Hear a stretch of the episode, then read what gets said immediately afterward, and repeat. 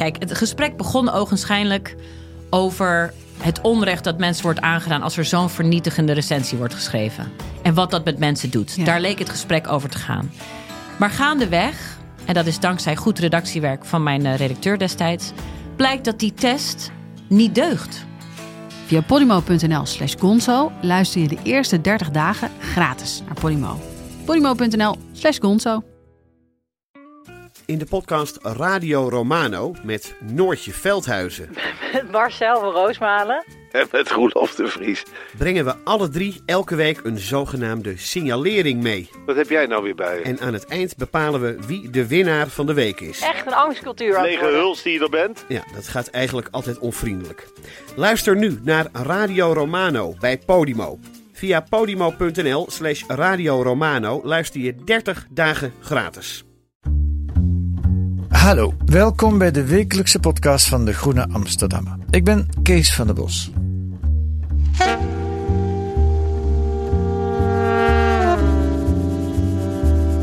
Volgende week is het weer de derde dinsdag van september, Prinsjesdag.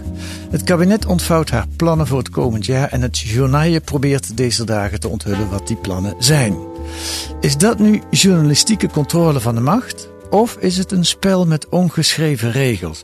Een dans van voorlichters en journalisten met één grote verliezer, de controle op de macht. Kim van Keken deed er ooit zelf aan mee, als Haagse journaliste van de Volkskrant. En Diewertje Kuiper stond ooit min of meer aan de andere kant in de tijd dat ze bij de Telder Stichting werkte van de VVD. Eh, welkom Kim. Oh ja, hallo. welkom Diewertje. hallo. Deze week schrijven jullie over, eh, in De Groene over wat ook wel de Haagse kaastolp wordt genoemd. Hoe journalisten en woordvoerders min of meer gevangen zitten in een pervers systeem. Ehm, laten we eerst even jullie eigen zonde op dit gebied bespreken. Dan hebben we dat gehad. Kim, jij was wel eens ooit heel ver gegaan ook in nieuws over Prinsjesdag. Heb ik gehoord. Nou, ik heb een medewerker dronken gevoerd. Dat, was nog in de tijd dat eh, iedereen eh, de stukken kreeg. Tenminste, alle fracties, dus ook de oppositie. Welke tijd spreken we? Eh, 2006, 2007, Oké. weet je nog? Ja, Ehm, nou, misschien 2008 nog net. oké. En hoe voer je een medewerker dronken? Dat begint op het plein. In, in een restaurant? En, ja, en dat eindigt op de Zeedijk in Amsterdam. eh, samen met een collega van de Volkskrant. Eh, die is op een gegeven moment doorgegaan met drinken. En toen mocht ik het, eh, eh, mocht ik het overschrijven, zeg maar. En dat was echt functioneel drinken, zeg maar. Dat hielp bij het, het Nou ja. vrijkomen van de informatie. Ja, dat- Ja, want hij wilde het niet doen, aanvankelijk. Maar hij heeft het toch gedaan. Ja. En wat was uw nieuws, weet je dat nog? Nee, want het is zo onbelangrijk uiteindelijk. Een diewertje. Jij zat aan de andere kant. Nou ja, min of meer. Je zat niet in de hete politiek, maar de Telder Stichting. Heb jij wel eens aan de andere kant iets gezien van het spel? Nou ja, wat ik bij de Telder Stichting vooral heb geleerd is dat eh, toon en timing vaak prevaleren boven de inhoud. Eh, er waren ook wel eens wat, eh, nou, wat oneenigheid tussen het wetenschappelijk bureau en de partij. Ja. En het ging bijvoorbeeld, weet ik me nog zo goed herinneren, had Patrick van Schie, de directeur van de Telder Stichting, die had een interview gegeven volgens mij met het AD. over dat we misschien zouden moeten gaan nadenken over een euro en een euro. Ja. Nou, dat schoot de partij volledig in het verkeerde keelgat. Eh, en het vreemde was, een week of anderhalve week later zei Frits Bolkestein precies hetzelfde. En Hans Wiegel zei ook zoiets. En toen was het allemaal in één keer prima. Ja. Eh, en was er dus geen probleem. Dus wat ik daar vooral heel erg heb geleerd is inderdaad die toon en die timing eh, van, van, van inhoudelijke discussies. dat dat soms de boventoon voert. Ja. En, en een euro is een noordelijke euro of een euro van noordelijke landen. ja, het is alweer enige tijd geleden, was ten tijde van de Griekse schil- schuldencrisis, eh, Ja. kwam dat ter sprake. Er is al vaker kritisch geschreven over de Haagse journalistiek. En jullie noemen ook jullie, in jullie artikel Joost Luidijk, Jean-Pierre Gele, Max van Wezel. Eh je hebt er allemaal boekjes over geschreven of uitgebreide artikelen. Waarom nu dit artikel? Ik kijk naar Kim. Waarom? Ja, Nou ja, omdat ik nu weer vanaf een afstandje opereer. Het valt me op dat journalisten zo makkelijk meegaan met, met de verhalen van voorlichters. Dus eh, even vanuit mezelf geredeneerd. Ik heb de zaak Keizer gedaan. ja. En daar was eh, Harry Keizer. Harry Keizer, de VVD-voorzitter, die moest aftreden vanwege een schimmige deal. ja. Eh, we hadden alle jaarverslagen. Het was heel duidelijk eigenlijk. Elke econoom die zag dat daar iets niet, niet fris was. Eh, maar de Haagse collega's die zeiden, ja, maar hij zegt dat niet waar was. Dus wilden er in principe niet over publiceren. ja. Ehm, en dan had ik het dit jaar weer en dan met Diewertje. eh, toen we over Anne-Wil Duttler, senator, Ook VVD. ook VVD. Ook belang, nou, belangenverstrengeling. belangenverstrengeling en wanbetaling Ja. eh, naar haar klanten voor een ondernemerspartij. En toen werd er gezegd dat is privé. Terwijl Ja. ondertussen eh, bij de NOS wel zaten te duiden over de minnares van Hand en Broeken bij wijze van spreken. Ook een VVD'er. En toen werd er gezegd dat was privé. Dat is dan als je de voorlichter van de VVD belde, die zei dat is privé wat die twee Nou, journalisten. de- ik weet niet wat die voorlichter zei, maar ik hoorde van eh, collega's dat ze Anne-Wil Duttler hadden gebeld. Ja, En die zei het is niet waar. ja, En voor de rest zeiden collega's gewoon van ja, het is ook een privé kwestie. Dus waarom zouden we daar aandacht aan besteden? ja. En zo kon het gebeuren dat het, het verhaal al een aantal dagen op straat lag zonder dat er veel mee gebeurde. Nou, enkele maanden zelfs. Enkele Eh, maanden zelfs, Ja, want ja. Het was gepubliceerd, als ik mij niet vergis, in februari dit jaar. Eh, en toen, oh ja, toen moesten we ook nog naar de rechter, want dan gingen ze ons ook nog eh, eh, aanklagen. Er kwam Eh, daar ook niemand kijken. Toen kwam er ook niemand kijken, want toen was het nou, laat het oordeel van de rechter maar even afwachten. Terwijl, Terwijl het toch nogal wat is. Een, Nou ja, kamer, een senator die journalisten Ik heb, aanklaagt. Ja. ik, ik Ja, heb een ik- collega toen boos geappt. En dat doe ik normaal nooit, want het gaat niet om mijn eigen ego. Het gaat echt om de zaak. Maar ik zei, Ja. als het denken is, staan jullie met draaiende camera's voor de rechtbank. Ja. Ja. Nu gaat het over eh, de, de senator van de regeringspartij. De machtigste partij van Nederland die twee journalisten voor de rechter sleept. Maar dit verhaal over Anne Wil Duttel, die uiteindelijk, laat het duidelijk zijn, teruggetreden is en, en eigenlijk eh, volledig bakcel heeft moeten halen, dat lag een paar maanden nou ja, op straat, gepubliceerd in quote geloof ik de eerste keer. Ja. Ehm, en dan wordt het niet opgepikt door andere journalisten. En dat vonden jullie ook gek. Ja, dat vond ik best wel apart. Ja, Nou, vooral als je naar het mechanisme gaat kijken. Want dan ga je vragen, waarom doen jullie dat niet? ja, En dan zeggen ze, ja, zij zegt dat het niet waar is. En Ja. toen dacht ik, ja, maar zo makkelijk werkt het toch niet? ja, Ja. En toen zijn we gaan nadenken over een verhaal van, eh, goh, laten we eens gaan bellen. ja, Ja, want het is met name die valse balans die ons irriteerde. Want we hadden bijvoorbeeld eh, ook over de zaak Duttler. We hadden gewoon allemaal gerechtelijke documenten met stempel en al van de rechtbank. Eh, en dat werd gewoon op gelijk niveau gezet met een senator die zegt... Oh nee, maar het is niet zo. ja. Alsof, alsof je dat tegen elkaar kunt wegstrepen en dan dus kan zeggen van... Oh, dan is er dus blijkbaar niks aan de hand. Dus ja. we, we hadden ook veel discussies erover van... Ja, maar hoe, hoe, hoe werkt zoiets? Eh, En dan ga je natuurlijk ervaringen met elkaar uitwisselen... van wat je zelf ook een beetje heeft gezien. ja. Ja, en toen kwamen we op het idee van ja, maar dit moeten we ook gewoon eens een keer ook, opschrijven. Ehm, Goed, dat hebben jullie nu gedaan. En jullie noemen ook die eerdere publicaties. Ehm, eh, is het wat je daar gelezen hebt hè, en wat je nu zelf tegengekomen bent bij, bij je onderzoek, denk je dat het erger geworden is? Ja, Waarom? ja de, de, ik, Waarom denk, denk je dat in eerste instantie? ik denk dat journalistiek commerciëler is geworden. Misschien door internet. Dus meer kliks, meer, eh, het tempo ligt heel hoog. Dus het is echt zodra iemand wat gezegd heeft, maakt niet uit wie, is het een nieuwsfeit. Ja, En wordt het op internet gekwakt. Dus er wordt niet meer zo nagedacht van wat brengen we nu eigenlijk. Ehm, de, de, de, de zorgvuldigheid gaat, de snelheid, die altijd al een vijand is van de zorgvuldigheid, die is nog belangrijker geworden. ja, en wat je heel erg ziet en wat in mijn tijd echt wel minder was, was dat, dat, dat eh, journalisten worden afgerekend op hun primeurs. Ja, En Kamerleden worden afgerekend op eh, hoe vaak ze in de media zijn. ja. Vooral dat laatste is heel erg toegenomen. Parallele belangen. Ja, waardoor Kamerleden en journalisten elkaar echt nodig hebben. Ja. Ook. Nou, geef eens een voorbeeld. Waar, waaruit, hoe werkt dat, die parallele belangen? Ja, het lastige is, ik kan geen hard voorbeeld noemen, want dan maak ik mijn bronnen bekend. We hebben Ja. natuurlijk met 15 anonieme bronnen gesproken. Maar wat we echt van drie, en nu het afgelopen week hoorde ik het weer trouwens, dat het echt gebeurt. Ja, Eh, Kamerlid X heeft een plannetje. ja. Journalist Y zegt leuk. Maar als je het iets aandikt, komt het op de voorpagina. Zegt hij tegen dat Kamerlid. Tegen het Kamerlid. En dat doet het Kamerlid vervolgens. Ja. En, Ja. eh, maar uiteindelijk wordt de soep niet zo. Nee. ge- nou ja, dat zijn de proefballonnen die je ziet. Je Ja. ziet natuurlijk, eh, god, was die VVD'er die zei van eh, iedereen moet aan de anticonceptie voordat ze eten krijgen in Afrika. Zo'n plannetje had je. Eh, je ziet heel veel plannetjes voorbij komen die Ja. wel eens daar vandaan kunnen komen. Ja, en het gemeenschappelijk belang is, dat is duidelijk. Die, die, dat Kamerlid heeft er belang bij om in het nieuws te komen, dat zijn of haar naam genoemd wordt. En bij redacties werkt het, als je nieuws hebt, dat is veel belangrijker dan dat je iets belangrijks te melden hebt. Ja. Hè? Ja. Nieuws, dat, dat, dat eh, scoort. Ja, het nieuwtje. Dus niet nieuws per se, niet groot. Nee. Maar het, Ja, nee, want als eerste hebben, zeg maar. Ja, dat bedoel ik. Ja, dan hoeft het inhoudelijk nog helemaal niet zo belangrijk te zijn. Maar het is belangrijk dat je het als eerste, als enige hebt eigenlijk ook. Ja, en dat het ook een beetje ophefgevoelig is natuurlijk. Hè? Dat het een, wel een, een beetje een smeuig nieuwtje is waar mensen graag op, op, uh, op klikken. Ja, ja. En wat mij opviel in jullie verhaal, ik kijk nu naar Duwertje, dat voorlichters uh, zelfs klagen, klaagden tegen jullie dat ze de inhoud soms te weinig kwijt kunnen zo makkelijk kwijt kunnen. Ja. Ja, ja, dat, dat, dat, dat, ja, we hadden ook bijvoorbeeld één, die komt ook in het artikel voor. Hè, dat zegt iemand die een oud journalist is, die dan voorlichter is geworden, die denkt van ja, ik kan mijn oud vakgenoten wel heel veel wijs maken. En die was gewoon ook een beetje teleurgesteld dat het zo makkelijk ging. Ja. Um, en ik denk dat dat inderdaad het, het, het, probleem ook is. Dat het namelijk zo makkelijk gaat. Mm -hmm. en toen we hier ook met dit artikel bezig waren, als je er eenmaal op gaat letten, ga je het ook steeds vaker zien. Ja. Um, dat soms gewoon persberichten over worden genomen als nieuws. Ja. Uh, terwijl het persbericht is uitgedaan door een belanghebbende. Of ja. het nou een belangenorganisatie is, of, of een goed doel, wat dan ook kan van alles wat zijn, of een politicus. Ja. Maar dat wordt dan gewoon één op één overgenomen. Ja.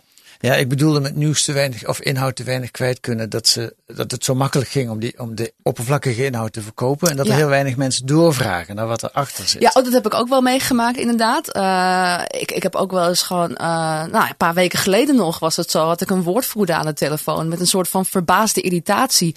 Ja, die werd hier overvraagt ons een beetje met al die details. En ik dacht, ja, maar ik stel hier gewoon vragen over cijfers die in een Kamerbrief staan. Dus ja. die hebben jullie zelf naar buiten gebracht.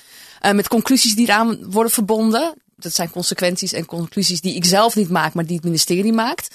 En als ik dan vragen over stel van jongens, hoe zit dat? Ja, dat was allemaal een beetje vervelend en moeilijk. Um, dus ja, dan ga je ook met elkaar afvragen en dan krijg je die, die irritatie wel vaker te horen. Dus dan vraag je ook onderling af van, goh, het lijkt wel alsof ze niks gewend zijn uh, qua ja, vragen. Ja. ja. Um, iets anders in de pikorde in Den Haag is ook dat uh, duiders en columnisten enorm belangrijker zijn geworden. Dat hebben jullie ook gemerkt? Ja. ja. Hoe merk je dat? Waar zie je dat aan? Nou ja, aan de hoeveelheid columns om te beginnen. Uh, bij talkshows zie je eigenlijk alleen nog maar duiders als het over politiek gaat. Bijna geen politici zelf meer, tenzij ze een plannetje moeten verkopen. Mm -hmm. Uh, je ziet het, ja, zij zijn gewoon, de, het zijn ook vaak mannen trouwens. Dus ik kan het ook wel zeggen van, het zijn vaak echt de mannetjes. Ja. Um, en ze, hoeven, ze kunnen alles zeggen zonder te rectificeren. Ja. En dat doen ze ook. Ja. Uh, ik ben zelf nogal een fan van Tom Jan Mees van de NRC. Maar dat is ook zo'n duider en columnist. Heel vaak, dat zegt hij zelf ook, kan hij zijn bronnen niet uh, geven. Wat, uh, op basis waarvan hij zijn inschatting Nee, maar dat hebben wij natuurlijk ook als onderzoeksjournalisten. Maar het gaat er meer om wat duid je. Tom Jan Mees, ik heb hem heel hoog zitten. Maar hij heeft ook pagina's volgeschreven over het mogelijk vertrek van Rutte naar Brussel. Ja. Waarbij je kan denken, al drie jaar lang. Ja. Waarbij hij zelf op een gegeven moment ook op teruggekomen is, volgens mij. Of heeft gesignaleerd dat hij dat heel vaak geschreven had, verder het helemaal niet aan de orde was. Nou ja, maar goed, dat, dat is dus wel het voorbeeld. Ja, hè? Uh, ja. En dat is dan nog het chique voorbeeld. Maar het, het gebeurt, ja, er worden echt mensen zwart gemaakt in de columns. We gaan naar andere voorbeelden. Jullie noemen een, er een aantal met naam. Joost Vullings van uh, Radio 1, uh, politiek duider. Die zat uh, in maart van dit jaar bij Jinek. En toen ging het over een, een proefballonnetje van Forum voor Democratie. Namelijk een uh, meldpunt voor linkse indoctrinatie. Nou, links. Uh, Forum voor Democratie heeft sinds vorige week leerlingen opgeroepen om voorbeelden van linkse indoctrinatie te melden bij de partij. Ja, wat, dan, dan bedoelen ze dus dat je leraren filmt terwijl ze je links Nou, aan het indoctrineren zijn. Ik, ik, ik, ik, ja, indoctrineren is wel een heel, een heel naar woord. En Ja. dat is sowieso meldpunten, daar ben ik ook niet zo'n voorstander van. Maar ik heb het even op de website gekeken van, van Forum. Daar zeggen ze overigens, komt het woord links niet voor. Dus als je Oh. vindt dat je rechts geïndoctrineerd wordt, mag je het ook melden. Aha, het klopt niet helemaal. Maar toch had Vullings kunnen weten dat het wel degelijk over linkse indoctrinatie ging. Want diezelfde dag zei Baudet in de Kamer. De heer Baudet namens Forum voor Democratie. Ja, ik denk dat het een heel belangrijk onderwerp is om over te praten. De linkse indoctrinatie op scholen in Nederland, op universiteiten. De vooringenomenheid die uh, aan leerlingen wordt gepresenteerd. Het eindigt een beetje lelijk. Maar het punt is duidelijk. Hè? Baudet heeft het wel degelijk over linkse indoctrinatie. Uh, Kim, nou lijkt me dit een foutje, een vergissing van Vullings. Maar is het ook, illustreert het ook iets van wat jullie willen laten zien in je artikel? Nou, ik, overigens mag ik Joost Vullings heel graag. Dus dat, dat, dat is al Ik lastig ook. als je mensen noemt. Ja, Ehm, maar toch ben ik blij dat jullie mensen noemen. maar de website, kijk, hij gaat niet zomaar naar die website. Dat, dat, dat wordt door iemand ingefluisterd. Joost is een hele drukke jongen. En die gaat niet uit zichzelf denken, laat ik eens kijken of het nou echt links of rechts is. Nee. Ehm, het is geen klein foutje, omdat je gewoon voor anderhalf miljoen mensen zegt dat het allemaal meevalt met die mm. linkse eh, oproep tot linkse uh, indoctrinatie. Ja. Bovendien wordt het nergens rechtgezet. Um, dat, datzelfde gebeurde eigenlijk deze week helaas ook weer, Joost. Maar, maar, maar even nog, dat is toch gewoon een foutje van een journalist? Nou, er is een verschil tussen inderdaad, en dat is denk ik wat Kim ook doet, tussen een, een foutje en een vergissingje. En echt, nou, het gebeurde afgelopen week ook weer uh, bij Jinek.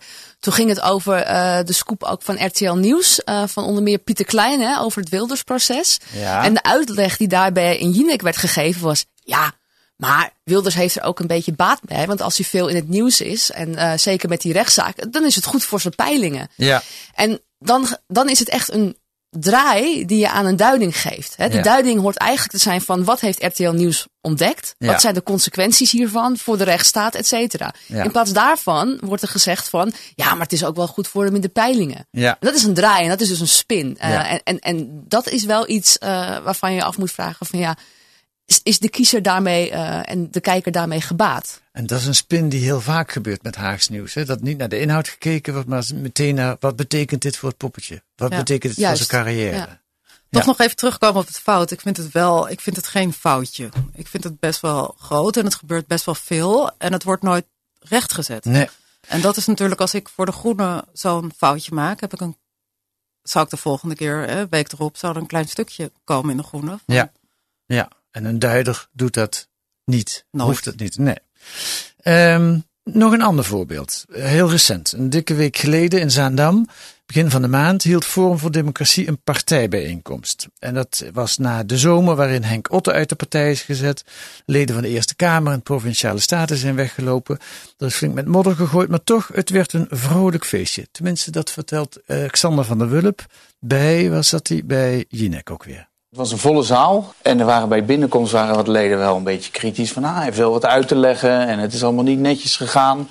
Maar eigenlijk vanaf het moment van het opkomen van Thierry Baudet, dat echt met veel uh, muziek en lawaai en vuurwerk gepaard ging, uh, toen dan was het eigenlijk uh, alweer goed. Geen kritische noot meer te horen? Nee, aan het eind kregen de leden ook de tijd om vragen te stellen. Er ging geen enkele vraag over het vertrek van Henk. Maar diezelfde avond berichtte Frits Wester op het RTL-journaal iets heel anders. Nou ja, eh, in de zaal werden geen kritische vragen gesteld. Niet aan Baudet, niet aan Hiddema, niet aan de andere mensen van Forum die op het toneel stonden. Uh, dat leek allemaal heel erg positief. Thierry Baudet benoemde dat ook. Helemaal geen kritische vragen. Maar ja, na afloop kwamen wel spontaan een aantal mensen naar mij toe, naar ons toe. En die zeiden van, ja, wij wilden wel een kritische vraag stellen. Maar we moesten van tevoren even zeggen waar de vraag over ging. En vervolgens kregen wij niet het woord. Luister maar even. Ik wou vragen stellen over hoe het, hoe het zit in de partij, over, uh, over Henk Otte en over Smaat en over allerlei dingen. En over het partijbestuur. Uh, wat, uh, drie, drie senatoren zijn weggegaan en één van de Provinciale Staten zijn weggegaan. Ik wou inderdaad daarover stellen en ik word niet beantwoord. Nou, dan denk ik bij mezelf, jongens, waar zijn we nou mee bezig hier? Ja, deze mensen gaan dus teleurgesteld naar huis. Dat is de duider tegenover de journalist, zou ik zeggen. Kim? Nou, Jij bent daar om de sfeer te beschrijven. Zo, daar, zo, hij zegt de sfeer. En je praat met niemand. Dat vind ik heel uniek. Dan sta je echt alleen maar achter dat podium te kijken wat Baudet doet. Maar zie je helemaal niet wat zijn leden doen. En, ja. nou, en bovendien was, circuleerde dit al een tijdje op Twitter, op internet. Ja, er was ook een lokale journalist uh, van een Saans Dagblad. Uh, en die had al een filmpje om half acht volgens mij al online gezet. Waarin je ook echt zag dat iemand een vraag wilde stellen. En dat een mevrouw zei van nou nee hoor, dat gaan we niet doen. Dus die werd echt gewoon uh, afgewimpeld. Ja, ja. Maar dan toch even naar de mechanismes van jullie artikel. Dit lijkt mij ook weer meer een voorbeeld van makkelijke, misschien slechte journalistiek van Van der Wulp. Die, die, die, die heel snel observeert en met een verhaal komt. Tegenover wat echte journalistiek van, echt, van Frits Wester. Maar wat is, heeft het ook te maken met het spel tussen journalisten en voorlichters? Ja, deze jongens doen ertoe. Weet je, Frits Wester, toevallig had hij nu. Nou, Frits Wester heb ik trouwens best wel hoog zitten. Mm Ik zat nog van de Wilp ook, maar ze doen er zo makkelijk over. Het lijkt wel alsof ze het zelf niet meer zo serieus nemen. Ja. En dat vind ik best wel zorgelijk. En als duider kun je gewoon van alles maar vertellen. En het... Ja, er zit een zekere gemakzucht, ja. uh, lijkt er wel ook in te sluipen, ja. uh, wat dat betreft. Uh, ja. Kijk, en ik snap natuurlijk ook dat, dat die mensen het heel druk hebben. En bijvoorbeeld ook zo'n Joost Vullings, die, die is twee keer ter sprake gekomen. Maar hij moet wel heel veel doen. Hè. Hij moet op de radio duiden. Dan moet hij s'avonds weer bij Jinek zitten. Dan moet hij hier weer zijn. Dan moet hij daar weer zijn. En het is gewoon inderdaad heel erg lastig om op alle portefeuilles even scherp te zijn. Ja. En ik snap heel goed dat de verleiding om dan even met wat woordvoerders te bellen om te kijken hoe het zit. Dat, dat die verleiding steeds groter wordt. Uh, Maar dat maakt je wel gevoelig voor dat je inderdaad gewoon uh, spindokter praat. Uh, kijk, want spindokters zijn er heel erg bij gebaat om er inderdaad een wedstrijdje van te maken, van peilingen, het, het poppetjespel. Uh, ja, en je moet daar echt, denk ik, continu voor waken dat je daar niet te veel in meegaat. Ja. En door al die media die je moet bedienen, heb je ook minder tijd voor het echte journalistieke handwerk, namelijk je neus erin steken en met allerlei mensen praten. Wat Ja, ja. gebeurt hier nou echt? En als je een avond helemaal naar Zandam reist. en dan niemand, dat je niet weet wat er echt speelt, vind ik gek. Ja. En, en wat natuurlijk echt de onderliggende, echt waar ik me zorgen over maak, mensen vertrouwen de journalistiek niet meer. Ja. En ik denk ook soms wel terecht, Ja. als je dit ziet. Ja. Iets anders eh, is het insteken van informatie. Dat is van alle tijden, denk ik. Ik denk dan zelf aan een voorbeeld wat Max van Wezel eh, eh, begin van het jaar in allerlei afscheidsinterviews nog eens verteld heeft dat hij in 1982 eh, aangeklampt werd door de PvdA-fractieleider en die zei, die Jan Terlouw, hier bij ons in het kabinet, daar moet je echt eens eh, onderzoek naar doen, want die functioneert heel slecht. Ik kan je wel een lijstje geven van een aantal kritische ambtenaren. Zo gezegd, zo gedaan. Groot stuk in Vrij Nederland. En achter, en verrassend was altijd de- dezelfde dag zo'n beetje ook een groot stuk in Trouw stond. Met andere woorden, hé, hey, er was nog iemand anders ook met hetzelfde verhaal bezig. En achteraf zegt Max daarvan, ik ben gewoon gebruikt. Dat gebeurt ook. Word je altijd. Ja. Maar dat betekent niet dat, je- dat, je, dat er dingen worden ingestoken. Dat, hè? Ik denk dat iedere journalist daarmee te maken heeft. Ja. En je wordt altijd gebruikt. Een maar, onderzoeksverhaal begint ook vaak met een tip. ja, maar je moet er zelf wel een beetje bij blijven. Ja, ja maar dit geval ging het wel verder. Je krijgt er een lijstje met ambtenaren bij Ja. die jou kunnen helpen om dit verhaal. eh, niemand weet het nog, want naar buiten toe lijkt het heel goed te gaan met Terlouw. Feit was dat het ook gewoon goed ging met Terlouw, maar moest, hij moest een kopje kleiner gemaakt worden. Daar kwam Ja. het eigenlijk op neer. Maar dat zijn jullie daar ook nu in je recente onderzoek voorbeelden van tegengekomen? Van ingestoken nieuws, wat niet. Nou, het gaat er meer. Ja, we hebben de kleinere dingetjes gepakt, of kleinere dingetjes gepakt. Maar wat wel grappig was, een voorlichter vertelde dat een gewoon persbericht sturen helpt niet altijd. Dus wat Ja. hij dan doet, is een mailtje sturen naar iemand die dan heel druk is, want hè, ze volgen debatten. En eh zegt hij: Hoi, hoe is het? En een beetje eh, van: eh, Heb je dit gezien? Dan kijk even op pagina 6, daar staat iets interessants. Ja. En dat ziet die voorlichter dan letterlijk ook opgepikt worden zo. Ja. Tot slot, hoe gaan we dit veranderen? Ik denk dat journalisten ook wel uh, wat meer besef mogen hebben over wat ze kunnen afdwingen uh, en wat niet. Vertel. Um, nou ja, het is natuurlijk ook heel vaak, zeker met bijvoorbeeld politici, die zijn ook gewoon uh, afhankelijk inderdaad van journalisten hè, om in het nieuws te komen. Uh, dus wat voor soort nieuws dat is, dat bepalen wij als journalist nog altijd zelf.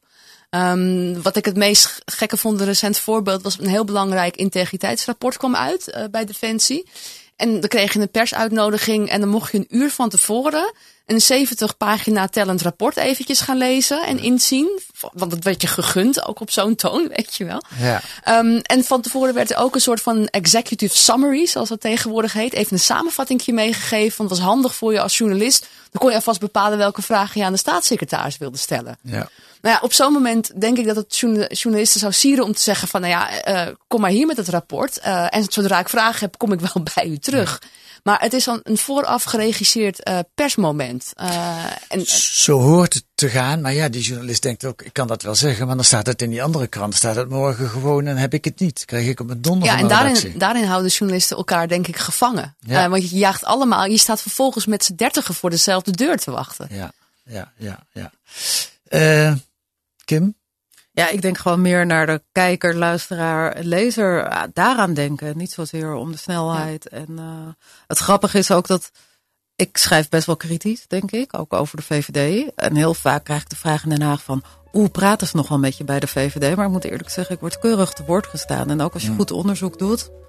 Ik ben nog nooit slecht behandeld, ja. eigenlijk. Dus... Nee, die ervaring hadden we bij Argos ook. Dat heeft ook te maken met als je het maar op een, op een. Kritisch is niet erg, als je het maar. Als het maar ergens op stoelt, als je het maar goed geïnformeerd ja, doet. Maar ik heb nog nooit gehad dat ik geen antwoord kreeg. Hm. Dankjewel, Kim van Keken en Diewertje Kuipers. Deze week te lezen in De Groene.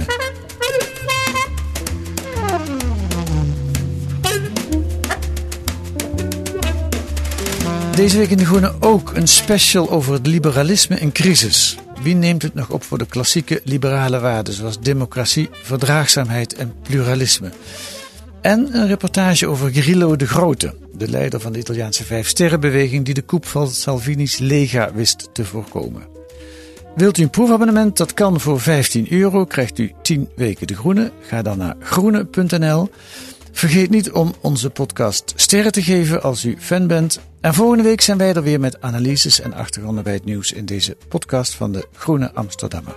Deze week werd die gemaakt door Marieke Rotman en Kees van der Bos. En de muziek is A Tune for N van Paul van Kemenaar.